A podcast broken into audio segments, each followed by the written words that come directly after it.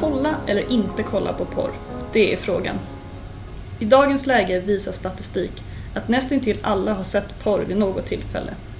En rejäl andel kollar både mycket och regelbundet. Studier för Linköpings universitet visar till exempel att 26% av killar i gymnasiet kollar på porr varje dag.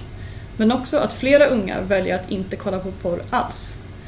Samtidigt berättar fler och fler vuxna att de aktivt tar avstånd och inte kollar på porr. Vad är det som motiverar detta? Det ska vi prata om idag. Jag sitter här med Amanda Romell som gör sitt examensarbete om just den här frågan. Hon är också en engagerad förälder som uppmanar politiker i deras kommun att installera porrfilter på skolan eh, och är en allmänt vettig och bra person. Så välkommen hit Amanda! Tack!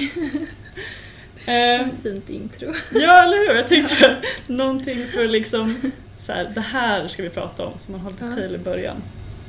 Eh, du eh, bor här i Örebro, samma Ja. stad som Strax utanför. precis. Mm. Och du började liksom fundera om det här med porr typ när då ungefär? Åh.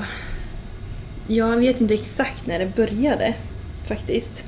Jag vet däremot att jag alltid haft någon form av intresse för liksom, människor och deras ehm, ehm, vad ska man säga, liv och vad de har gått igenom. Och Jag har ofta läst sen jag var ganska liten böcker, biografier om sexuella övergrepp Mm. faktiskt. Mhm. Och nu när jag tänker tillbaka på det så ser jag att det, att det är inte så konstigt att jag är där jag är idag. Nej. För att jag hade ett intresse redan som väldigt, väldigt ung. Mm. Men jag har inte tänkt på det förrän, förrän faktiskt nu på senaste tiden. Ja, Att det har funnits där.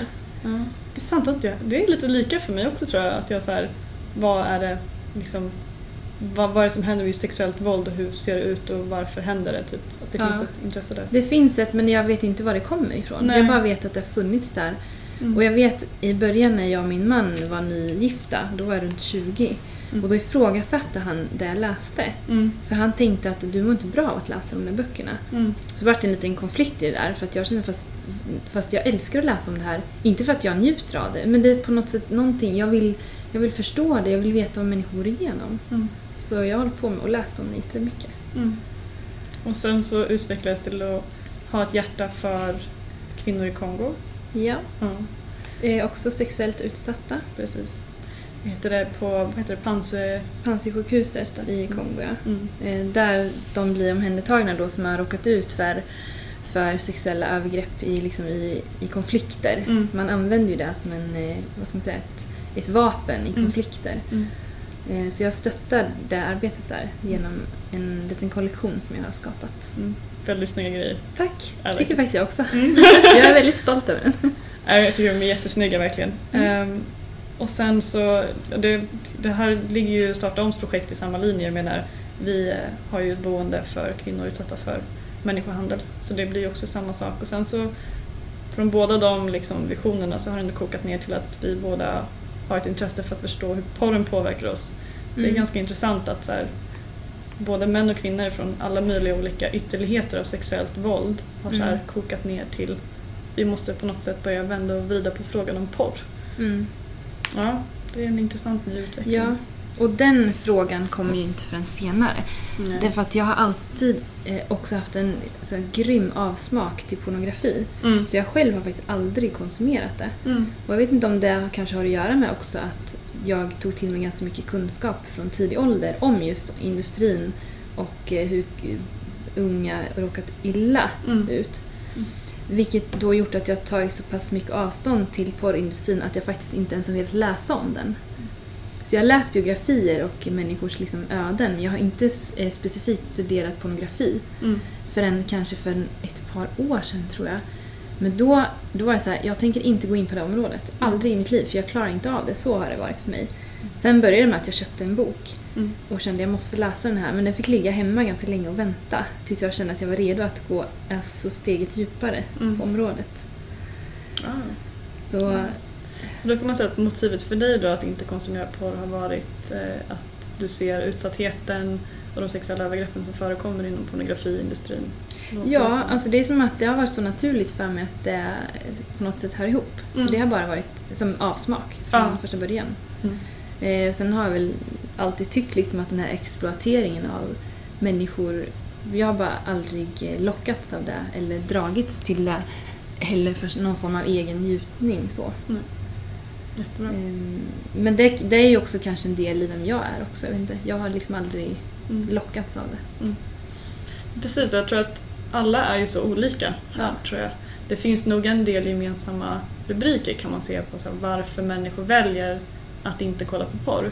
Mm. Men eh, varenda resa är ju, alltså och varenda motivering är ju helt unik för den människan. Så, men det här är anledningen varför jag slutar. Sen Mm. så kan man se att alla anledningar är ju sanna för dem, för de personerna på något sätt. Mm. Så jag menar allt ifrån sådana här att man bara, nej men jag har avsmak för det för jag ser utnyttjandet och jag ser liksom de sexuella övergreppen medan andra är så här, jag gillar inte vad det gör med mig eller jag gillar inte eh, hur det påverkar min syn på min partner eller Mm. ja, och så vidare.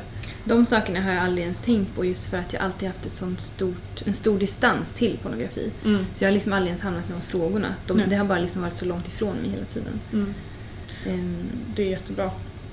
Det, vi- det lobbar vi mycket för också att så här, om man kan gå händelseförloppet i förväg och man kan berätta för människor innan de börjar kolla på porr att så här, gör det inte för de här anledningarna. mm. För att du vill nog inte stå för det som porrindustrin förmedlar. Du vill inte Nej. stötta den här branschen. Så ta ställning innan och känna avsmaken. Mm. Redan innan du ens liksom blir, får liksom blodad tand eller Ja men precis. Jag, möjligtvis får ett intresse för det. ja, jag, jag kan, man kan säga att jag är en av dem då eh, som man kan eh, studera utifrån eh, hur jag har liksom hur, jag, hur min syn på saker och ting är som aldrig har tittat på porr. Mm. För jag har ju verkligen aldrig gjort det. Nej. Ehm, för jag vet att man skulle göra en studie, en, det var en forskare som skulle göra en studie på människor som då aldrig har konsumerat pornografi eller Mm. tittat på porr. Mm. Men han kunde inte hitta några. Ehm, men så jag är en av dem. Mm. Och, och vad kan man då hitta i mig som man kanske inte kan hitta i de som faktiskt har konsumerat? Mm. Men det är ganska ovanligt. Va, jag. men det, var, det är Gary Wilson va? Den här... eh, Nej, det hans- var någon kan... Åh, jag kommer inte ihåg vad han heter. Någon franskt namn. Nej, Gary Wilson var inte den som Ah, skulle göra en studie på det här. Jaha, för jag har hört samma resonemang. Vad intressant, vi har hört samma från honom. Jag, det kan vara så att han nämner honom. Ah, det är därför! Ja, Ja, det är ja, möjligt. Ja. Var stenkoll här. Ja, för jag har läst i Gary Wilsons bok också. Och Ja. jag, jag är nästan säker på att han tog upp det i boken. Ja. Eh, Men jag har läst på nätet om den här mannen. Så han fick ju om, göra om sin studie med ett annat fokus. Mm.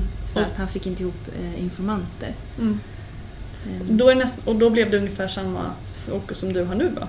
Om jag inte... Mm, Ja, mitt fokus var ju från början att ta red, prata med då människor som inte har konsumerat pornografi, vilket också då var en omöjlighet att hitta. Mm. Så jag har ju med då de som har konsumerat men som har valt i efterhand att avstå helt. Just det. Så de har ju sina anledningar till varför de har slutat. Mm. Eller varför de valt bort helt enkelt. Mm. Men jag har bara en som i princip aldrig har konsumerat det innan men som också har valt att avstå det. Mm. Förstår du? hur- Just det, ja men Ja. precis. Så det är svårt att hitta någon som aldrig har konsumerat och varför de inte har gjort det. Mm. Det är lättare att hitta de som har konsumerat och varför de har slutat. Just det. Och de du intervjuar, är det, har du några premisser där på vilka? Är det ålder, kön? Det är män Ja. och eh, det var väl av naturliga skäl kanske för att det oftast är män som konsumerar. ja. Och då ville jag ju först hitta de få då som inte har konsumerat, Mm. Mm. vilket då inte gick. Mm. Men det är män och det är i ålder från tror jag, 18 till 50 plus någonstans där. Mm. Det. Så det är ganska stort åldersspann. Mm. Från början hade jag begränsat åldern, Mm. men det var också svårt. då fick jag inte ihop det heller. Nej, just det. Så det blir Eh, Men det gör ingenting. Jag tänker, ja, men då får jag en ganska bred så här, bild av eh, Mm. hur de resonerar och varför. Och de kommer från olika här, epoker, eller, eller inte epoker, Ja, men jo, ja, blir tids, så. eh, Mm. årtionden. Så. Mm. Som också faktiskt visar en skillnad på hur de tänker och hur de har vuxit upp. Jaha, hur då? Ja, men de som är lite äldre eh, innan, det är en ganska stor skillnad på de som eh, växer upp med internet och de som inte gör det. Ja, precis. Så där ser man lite grann Mm. i just konsumtionen. Mm. Många pratar om en tidning i skogen eller under Ja, sängen precis. kontra LimeWire Ja, ja, på Ständig 90 uppkoppling. 2000-talet. Ja, men precis. Ja. Eller typ. och lättillgängligheten. Ja, men precis. Det är- Men å andra sidan så är det en som resonerar och säger att det är inte tillfället som ska göra tjuven egentligen. Nej. Alltså, utan det är ju tjuven då som väljer att ta tillfället. Mm, mm. Men jag tänker, det blir väl också lite lättare att välja tillfället om det presenterar sig mer ofta och Det är klart att det är frekvent på något lättare. sätt. Ja. Jag tänker det här med att man brukar prata om att porren är, vad är det, anonymous, available och Access. affordable. Eh, Ja. accessible, ja, alltså är helt enkelt lättillgängligt, billigt och anonymt. Och då Mm. blir det mycket enklare att bli tjuv på ett sätt. För att man, Ja. om, man är, om man tänker på att porren kanske är en dragningskraft själv, men du tänker att det är val. Det är liksom, Nej men jag förstår, absolut. Så Mm. är det ju. Mm. Verkligen. Eh, I, idag kanske det är så att det läggs mycket mera krav på oss att vara aktiva i våra val. mm, Att ständigt vara vakna för vad vi eh, utsätts för. ja, För att kunna vara aktiva och välja bort. Men risken är att många liksom bara lever liksom i den här ruljansen av det här och inte tänker på det. Mm. Och så hamnar man liksom där till slut. Mm. Sen vet jag också att jag tror att någonstans runt 30% exponeras ofrivilligt. Mm. Och då blir det även en inkörs, inkörsport till att börja konsumera. Mm. För att men jag såg någonting som jag inte visste vad det var och det var lite intressant, jag går in igen. Men hade man inte exponerats för det från första början så kanske man inte hade gjort det alls. Mm, Så den här... Eh, ja, att man... Det ofrivilliga liksom mm. är också en orsak eller anledning till att... Eller det drar, drar Ja, det till drar sig till fler. Ja, verkligen. Det suger in flera i... Ja, I och den det gör mig riktigt upprörd. Mm. Fine att du tar ditt eget beslut om Mm. att börja, men Mm. när du matas med det fast du inte har valt det själv. Där känner jag att det finns en gräns också som Ja, man verkligen. verkligen behöver stoppa. Mm. Det är verkligen att sätta en spärr där man säger nu får du aktivt välja Ja, om du vill göra det här eller inte. Eh, och så kan man ha ett resonemang om det som vi gör nu, att så här, varför väljer vuxna självbestämmande människor att kolla eller inte kolla på porr men om du blir Mm. exponerad för det och tvingad på det då är det liksom... Det är liksom ett helt annat utgångsläge. Ja, verkligen. Och vi vet ju att vi kommer inte att bli av med porren helt heller. Nej. Så därför finns det människor alltså, som verkligen... Vi, man måste alltid göra ett val. mm, Men bort med det här ofrivilliga, tänker jag åtminstone. mm, Liksom minimum. verkligen. Men berätta från, eh, liksom, då har vi gått igenom lite om vad som du har intresserat dig för innan och sen började du plugga en masterutbildning i vad då? I folkhälsa. Just det. Och nu skriver du din D-uppsats. Det, ja, precis. Precis. Men alltså, det är en magister. ja. Mm. och då, liksom, vad är, vi har pratat lite om motivet, men vad, vad har du för frågeställning? Är det enkelt att kunna återberätta? Ja, men varför... eh, Hur kommer det sig att vissa då har valt att avstå från att konsumera pornografi? mm. Vad är orsakerna, bakomliggande anledningen till det? Mm. Det. Eh, Som jag har försökt grotta ner i lite grann. Och då har du intervjuat dem, en djup intervju med alla, allihopa som har... Ja, precis. Mm. Så jag har ett antal informanter och sen så har jag efter det gjort en innehållsanalys. Där jag Mm. då analyserat hela materialet och eh, funnit fram till olika teman och subteman Mm. för att så här, sammanfatta det hela. Jättecoolt ju. Ja, Ja. Och det är där jag tror att det hade varit jätteintressant att höra med eh, vad du har hittat och sen kan jag bolla lite det jag har hört och vad vi har på vårt forum, vad folk berättar om deras anledningar och vad folk berättar för mig. Vad har du sett för grupperingar eller så olika grupper och subgrupper på varför folk väljer att inte kolla på porr? alltså det är ju verkligen så jätteintressant. Jag älskar mitt material. Sen är det inte, för mig är det inte heller allting nytt. Alltså Nej. det är så här, ja men det är självklart att Ja. de har valt bort det och så vidare. Um, inget nytt under solen, typ. Men eh, en sak som jag tycker är otroligt viktig är det här att flera av de här har valt bort det utifrån att de har fått kunskap om porrindustrin och sexindustrin. Att de har fått kunskapen om det. Ja. Innan har de inte förstått eh, vad det är de konsumerar och riskerna med det och de som f- befinner sig i industrin och vad de råkar ut för. Mm. Så de pratar om eh, dokumentärer de har sett, böcker de har läst, alltså saker de har kommit över som har gjort det, varit som en ögonöppnare för dem. Mm. Och då känner jag så här: wow, alltså vi behöver kunskap i samhället Mm. för att kunna göra så medvetna val. Mm. Och aktivt och verkligen så här kunna ta ansvar för våra val. För, och ju mer kunskap du har, desto större ansvar får du ju. Det är ju väldigt uppmuntrande tänker jag. Alltså jag älskar För den topicen.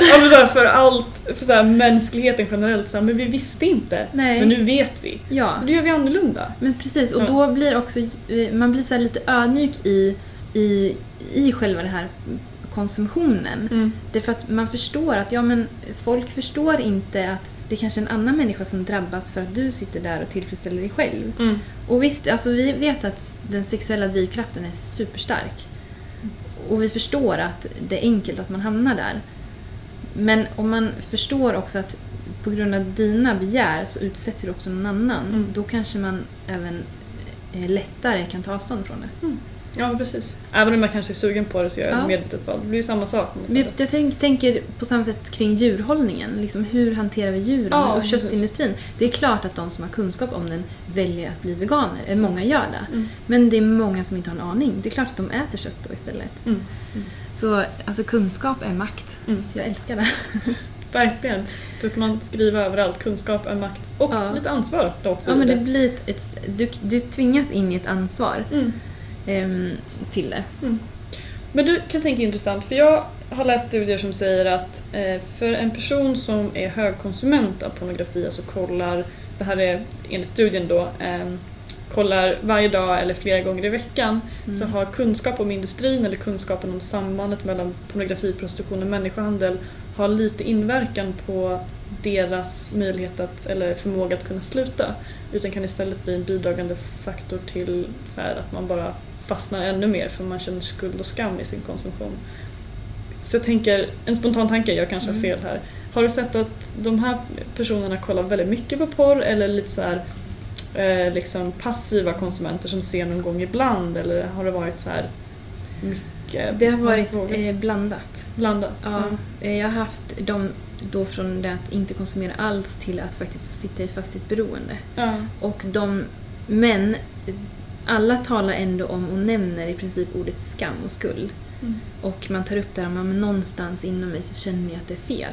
Mm. Så även om, om de kanske inte har kunskapen, vilket de ju har nu, så finns det ändå någon känsla där inom dem om att det är någonting som är fel. Mm.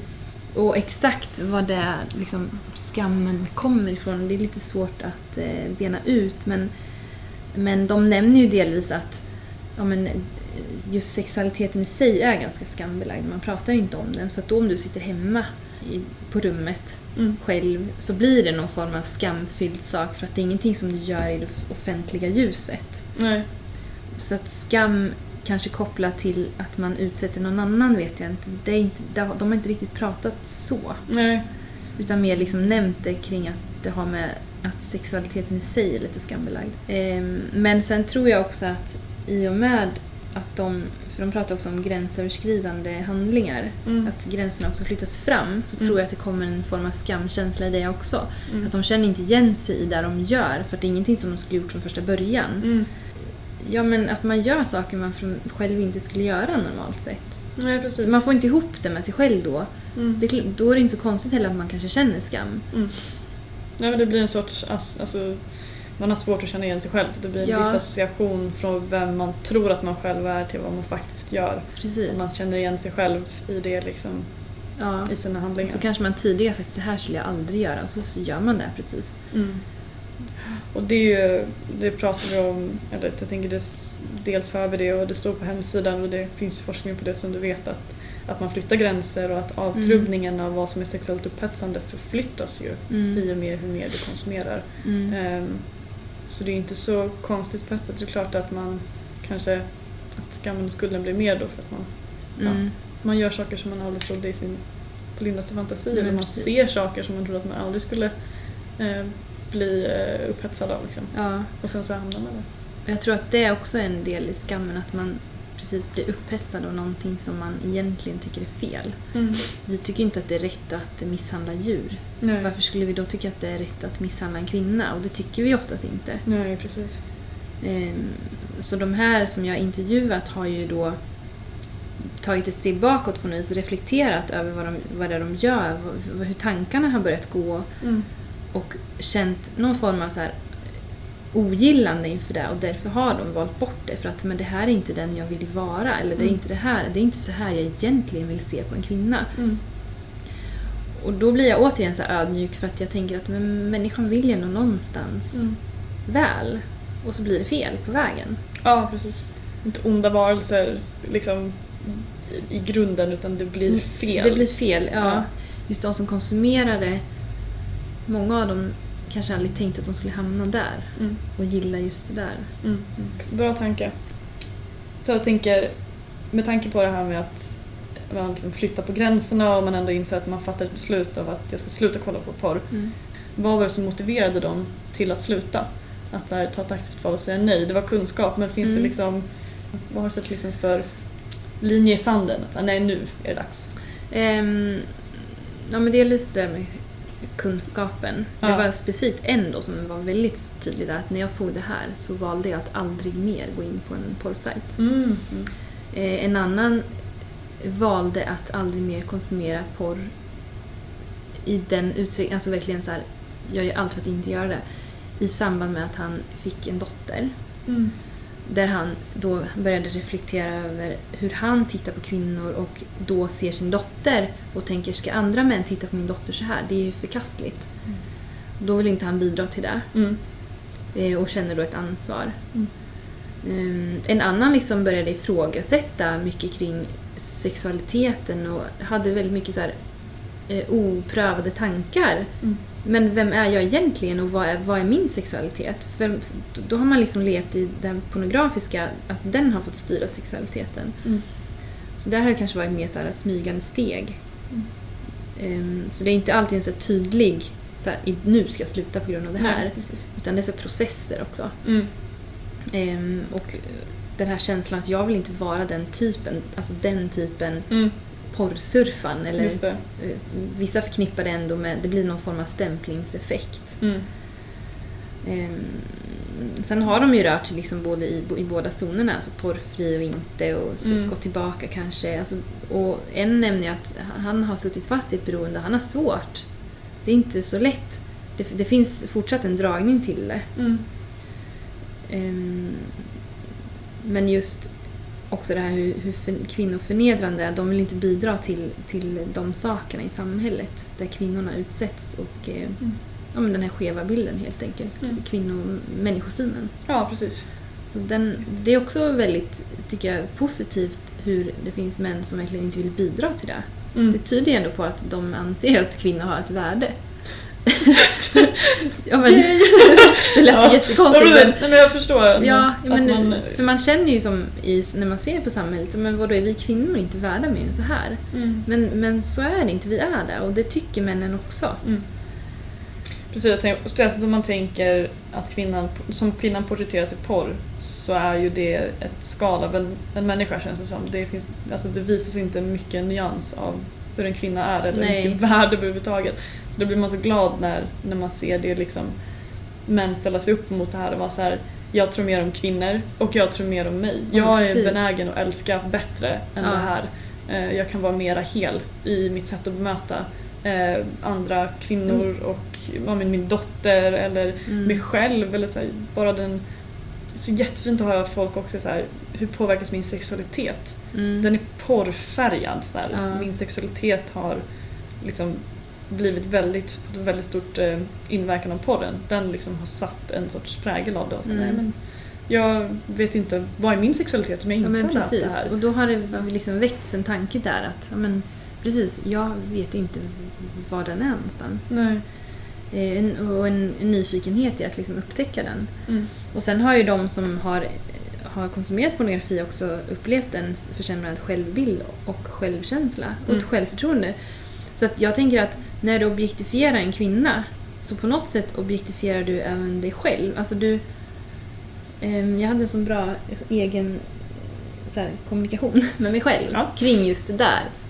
Där men mannen sänker ju även sig själv när han behandlar en kvinna på Mm. det här sättet. Mm. Så att det slår ju på både mannen och kvinnan. Mm. Så det är inte bara så att kvinnan eh, drabbas i det här utan det gör ju även mannen, han som konsumerar.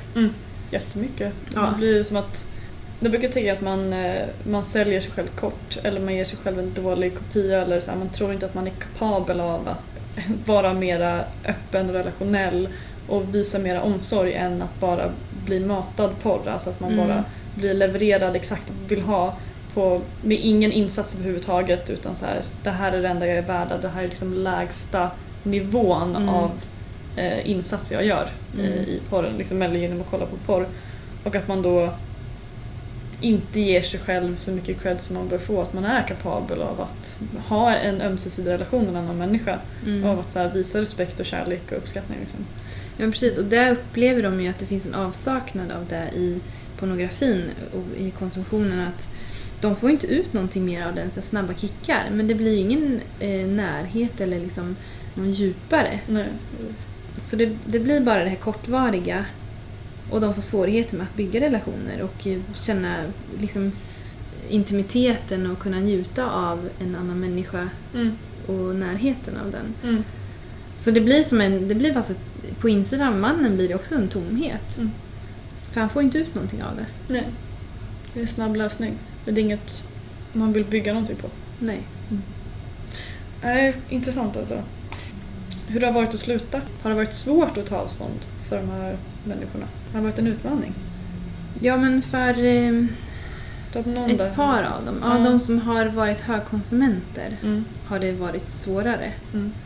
Eh, en av dem valt att förhålla sig liksom mer kanske liberalt till det och valt att konsumera en viss typ av eh, pornografi Mm. för att... eh, Men även är liksom pornografi lite grann en definitionsfråga. Vad är pornografi? Och, och då tolkar inte han den saken som pornografi till exempel. Mm. Och då kommer- har han valt att konsumera det. Mm. Medan jag kanske fortsatt skulle tolka det som pornografi. Mm. Men det är en så snällare variant Mm. där han själv motiverar med att det skadar inte någon annan Mm. eller mig. Mm.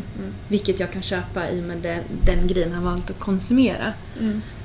Men jag tror att det är som med många andra beroenden att har du en gång fastnat i det så, så är det svårt sen. Och där vill vi inte hamna. Mm. Men de som har konsumerat kanske i mindre utsträckning har inte haft problem med att sluta med det. Mm. Så det, det verkar som att det finns någon, någon gräns där för hur man... Precis vad som är enkelt och... Ja, som med många andra beroenden helt enkelt. Ja.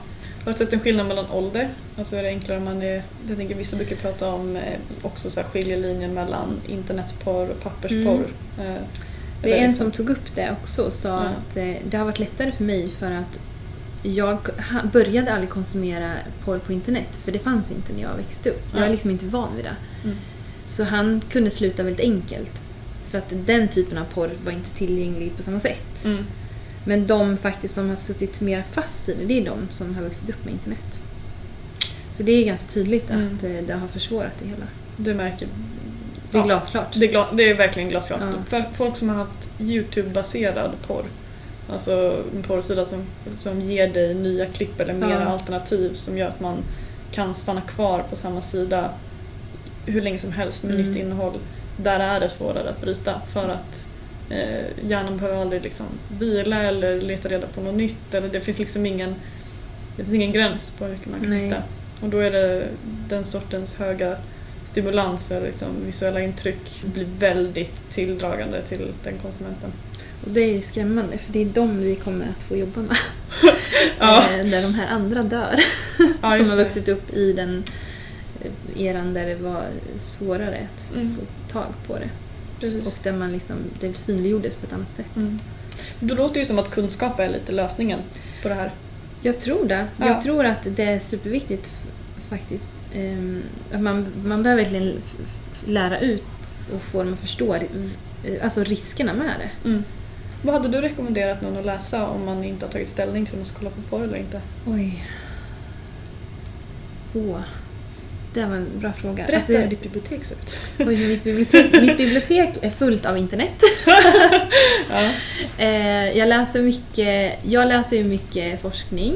Mm. Men det är ju för att jag har tillgång till det på ett annat sätt. Sen tar jag del av många typ organisationer och föreningars arbeten Mm.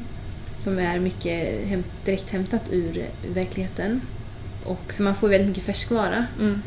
Men vill man läsa något mer bokaktigt så ja, det finns massor. Men Tänk just det här med industrin, om, man, här, om det är viktigt. Har du någon bra biografi från någon som har ja, jag har ju det. industrin? Men jag har ju det. Men jag kommer ju aldrig ihåg vad varken författare eller böcker Mm. heter. Det är så mycket. Men jag skulle rekommendera eh, biografier för att Mm. du får så mycket nyanser av det. Ja. Det är svårt att eh, då hävda att men det här är bara bullshit för det, är så mycket, det ligger så mycket tyngd bakom det. Mm. Så, så biografier tycker jag är bra. Mm. Ehm, smärtsamt. Mm. Men sen även faktabaserade saker, kanske mera, tror jag. Så en blandning av det. Men jag har svårt att bara här, rekommendera en bok. Nej precis, nu slängde jag lite liksom, på bar gärning här, vad har du rekommendera? Men vi gör så här istället att vi skriver det i beskrivningen på podden, lite så här boktips. Ja, men det så kan då vi göra. tar vi upp det i efterhand. För Mm. jag tänker också på några men jag, måste, jag vill inte citera fel här tänker jag. Så jag, Nej. jag. Ja och verkligen som du säger, det beror på om man Vissa verkligen fastnar ju för fakta. Man vill ha liksom faktabaserade, väldigt Ja. akademiska texter medan andra behöver en personlig story som Exakt. liksom övertygar en om, om det här eller inte. Mm. Jag har läst alla typer. Så Ja, jag kan ju ge rekommendationer inom alla områden så kanske i så fall. Mm. det är lite lättare. Ja. Ja. Eh, nej men perfekt. Jag tror det är intressant att, att fundera på, du tog upp det innan det här med vad är porr liksom och vad är ja, den här personen som kollar på någonting som inte är porr fast det också du kanske skulle klassa det som porr. Mm. Och det där är ju verkligen en, en individuell bedömningsfråga. Eh, jag vet ju att när vi pratar om, om nätpornografi från Starta om så pratar ju vi om internetbaserad pornografi, internetbaserad pornografi Mm. som är skapat med det enbara syftet för sexuell upphetsning. Mm. Eh, för att vi vill liksom försöka vara så sylvass som möjligt. Men det finns ju ett jättestort gråområde där också. Eh, för sexualiteten som vi pratar om är ju väldigt individuell och liksom, Mm. ja, NE definierar ju porn, alltså pornografi som det som är upphetsande för dig. Och då kan det ju vara nästan typ vad som helst. Ja. Liksom. Eh, inte heller rättvist tycker Det, jag. nej. Men har du någon definition på pornografi i, i din uppsats eller? Har du... Jag, ehm, jag har diskuterat den lite. Det är Mm. för att eh, när jag började på uppsatsen, eller gick in på området, så liksom suddades det ut lite för mig. Mm. För jag tyckte för mig själv att jag hade en väldigt klar bild. Mm. Sen har även min kunskap ökat också. Och jag har även känt att även där måste jag vara ödmjuk i frågan med och i definitionen. Mm. Det är för att det finns, där är också där, det finns inte det här exakt svartvita heller. För jag menar, då kan man ju, på ett sätt kan du dra- dra allt som om det vore pornografi så fort du ser någonting naket. Men då kan du inte ens läsa en, en bok som är till för att studera medicin. Eh, där du kanske visar då mera eh, nakna bilder på könsorgan och så. Mm. Men ehm, pornografi... Åh, för mig, alltså den, den vanliga typiska definitionen tycker jag ändå är okej som en definition, hållbar så. Mm.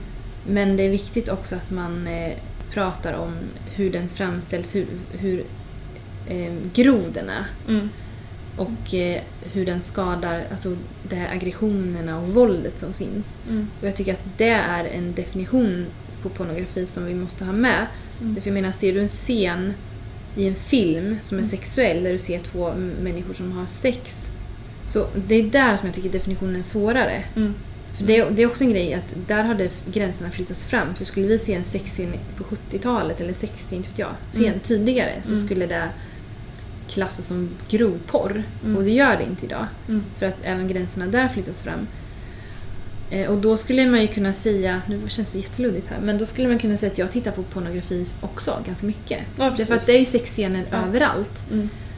Men så jag måste ju dra en gräns utifrån det samhälle jag lever i. Så jag, jag skulle inte säga att en sexscen som är liksom ömsesidig och jämställt och som är schysst skulle kanske inte vara porr. Mm. Men det är en individuell definition som du någonstans måste sätta, tänker jag också. Mm. Intressant ändå att du på något sätt vill inkludera inslaget av våld som en del av definitionen i pornografi.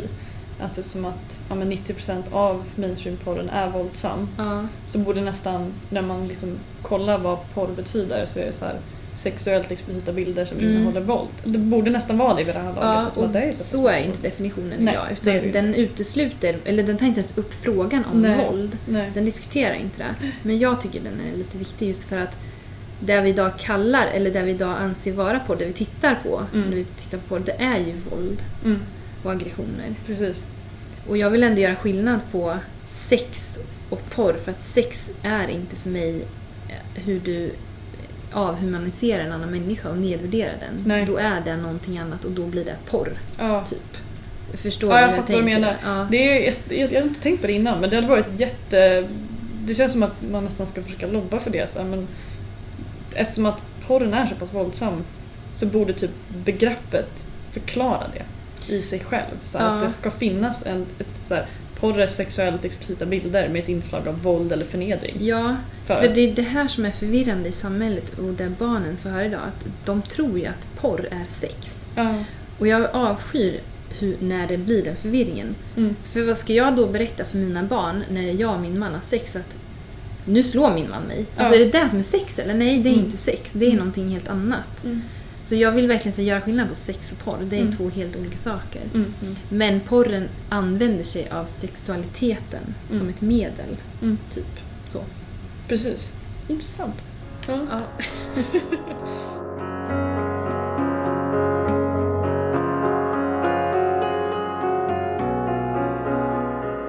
Jag får oftast frågan till exempel så här, är du emot all porr? Liksom? Nu har vi liksom, Om vi tar den här skildringen av liksom, pornografi och våld som ett begrepp som borde höra samman. Men om man tänker om du får den frågan, så här, är du emot all porr? Skulle du säga typ, att man, ingen människa ska någonsin kolla på porr? Skulle du, skulle, hur skulle du ge respons på det? Liksom? Ehm, Svårt. man blir ju... ehm, får ganska så här nyanserade åsikter tänker jag när Mm. man så läser om ett ämne. Mm. Mm. Tänker att man måste kanske tänka inte i de banorna att eh, om jag är emot eller för heller. Mm. Utan man måste tänka på vad är syftet med det jag gör? Mm. Eh, vad får det för konsekvenser om jag gör så här eller tittar på det här? Mm. Eh, vad är syftet med den som, som gör, skapar det här och så vidare. Mm. Alltså, och sen återigen det här med definitionen. Men, men just porren, i min defi- definition av porr som då inslag av våld, Ja. den skulle jag säga är direkt skadlig på alla. Ja. Så den skulle jag säga att ja, jag är emot den. Mm. Jag tycker inte om den alls. Mm. Mm. Sen om det är mindre, liksom om det är naket och folk filmar sig själva, whatever, gör vad ni vill. Mm. Men alltså fundera på varför ni gör det och för vem och vad det får för konsekvenser. Mm. Typ så, lite mer så. Det är jättebra. Jag, jag ställer de här frågorna fullt medveten om att jag har fått dem själv och blir alltid lika sådär Åh, ska vi prata en halvtimme om det här? För att det är en komplicerad fråga Ja, liksom. Det är ingenting det. man bara kan hoppa upp ett svar på. Nej men precis. Det är bra att vi har pratat om just själva idén att man använder kunskapen om den större bilden och problemen med porrindustrin som en motivering för att sluta kolla på porr. Och jag tror att det är, ja, som vi säger då, att det är en, en jättebra motor för att kunna liksom häva generell konsumtion av pornografi bland allmänheten. Mm. Eh, men vi möter ju mycket människor som slutar kolla på porr för att de inte mår bra Mm. personligen i någon mån. Och jag tror att där finns det ju två olika, alltså det finns två olika, inte läger men två olika motiveringar. Den ena är samhällsmässig och den andra är individualistisk på ett sätt. Att jag mår inte bra av det här. Eller min näromgivning Mm. mår inte bra av det, typ min relation. Ja men precis. De eh, nämner ju att i relation till sin, som de lever med, som har haft svårt att eh, vara då intim. Mm. De har svårt att njuta av närheten och de har fått upp eh, bilder hämtade pornografin när de liksom har varit nära varann. Vilket har gjort, ja men det har stört dem. Så det är väl kanske mer åt det att, eh, att när de har sex med varandra Mm. så har de svårt att eh, men, så connecta på något vis. Mm. Och känt att, att det är inte så de vill ha det heller. Plus att de, de gärna sexualiserar andra kvinnor fast att de lever i en relation. Mm. Och tittar på kvinnor på ett annat sätt och överhuvudtaget tittar. Mm. Sen har eh, man pratat om liksom det här med eh, commitment i relationer. Att ja, men, för mig så känns det fel att jag vill avhålla mig från pornografi för att det känns fel gentemot min partner på det sättet att om jag ska gå och upp, bli upphetsad genom att titta på andra kvinnor så är det för mig en form av otrohet. Mm. Ehm, Så de känner ett ansvar inför sin partner och att leva mer i, i trohet med den personen. Alltså Mm. att det är du och jag och våran sexualitet, våran gemensamma sexualitet. Det är inte bara min sexualitet längre nu Mm. när vi lever tillsammans. Och det är inte bara jag och mina behov och tillfredsställelser utan det är vi. Så då har man liksom valt bort det, den typen av sexualitet som finns utanför relationen. Mm. Just det. Att man vill värna om det gemensamma och det vi har tillsammans. Mm. Har det varit liksom på upp, har det varit en insikt från sin egen perspektiv eller har det varit på uppmanan av sin partner? Vet du? de- Nej, de här har nog faktiskt utgått ifrån sig själva. Ja. Ehm, och mer så spekulerat i att ja, men jag tror inte att min partner skulle uppskatta att jag eh, tittar på andra kvinnor på det här sättet med liksom åtrå eller med eh, en sexualiserad Ja. eh, blick på det här sättet. Precis. Ehm, och för mig kan jag ju absolut förstå det. Jag menar, jag skulle bli svartsjuk. Det vet man ju själv att folk blir svartsjuka om ens man eller kvinna tittar på någon annan. Mm. Det räcker ju bara med det. Så då är det ganska självklart så att man blir svartsjuk om man vet att någon annan tittar på porr och eh, ser helt nakna kvinnor och hetsas upp av det. Mm. Men så de kopplar ihop det med eh, just att leva tillsammans i en relation och ta ansvar för den. Mm. Ehm, väldigt tydligt i den studien som jag har gjort. Mm. Och de förväntningar som, som de har då på en relation och vilka värden de sätter på det. Mm. Vad den bygger på liksom. Jätterimliga tankar, tänker jag. Ja, För att, eh, och jag tycker det är så intressant att man har gjort den sortens skillnad. Man är väldigt mån om att prata om trohet, att eh, man ska trogen sin partner. Men sen är det som ett liten, en liten ostkupa över just porren i vissa sammanhang. Att jag kan prata med personer som är i relationer och bara, jo men han eller hon kollar på porr och eh, ja men det är ju bara porr. Mm. Liksom, säger man först. Sen så börjar man gräva lite under ytan och inser ganska fort att ja, alltså alla kollar ju på porr eller det är ganska normalt eller det är okej men om jag fick välja så hade jag ju hellre valt att min partner inte hade kollat på porr. ja. Eh, för att för om det hade varit en annan person som du säger då hade man ju reagerat. Mm. Det var ju så här, men om du tittar på någon annan människa och blir reellt sexuellt upphetsad Mm. av en person som du ser i verkliga livet. Mm. Eh, och det har säkert att göra med emotionell anknytning eller något sånt där men jag tycker det är intressant att se hur vi på något sätt har gett porren ett frikort när det gäller så vanlig trohet till sin partner när det gäller vad man har sin, sin liksom sexuella fokusering. Mm. Att där på något sätt så är det inte riktigt lika seriöst. Eh, den har fått ett ja, den har fritt utrymme helt Ja, enkelt. men det är som att eh, vissa då anser att ja, men, du har din egna sexualitet som du inte då delar med din partner. Mm. Och de som resonerar på det sättet, de kanske lever fortsatt i liksom, det här med att porren finns som en del i deras liv. Mm. Men de här som jag pratar med verkar som att de inte riktigt vill göra den skillnaden. Mm. Utan min sexualitet på något sätt tillhör den andra. Och om inte hon eller han uppskattar det här så vill inte jag göra det. Nej, precis. Eh, lite så. Och sen att, att eh, det var någon som resonerade kring att ja, men det är inte bara vad det gör. För då kan någon säga, ja men vadå du är inte otrogen med någon. Mm. För du har inte legat med den. Nej, Mm. fast bara för att det inte påverkar fysiskt, alltså gör det fysiskt med någon, Mm. så påverkar det ju fortfarande den psykiska delen. Mm. Till exempel. Och då är det fortfarande någonting, för man kan ju inte bara prata om otrohet som en fysisk handling egentligen. Mm. Ehm, utan alltså det, det, det rör hela människan på något Mm. vis.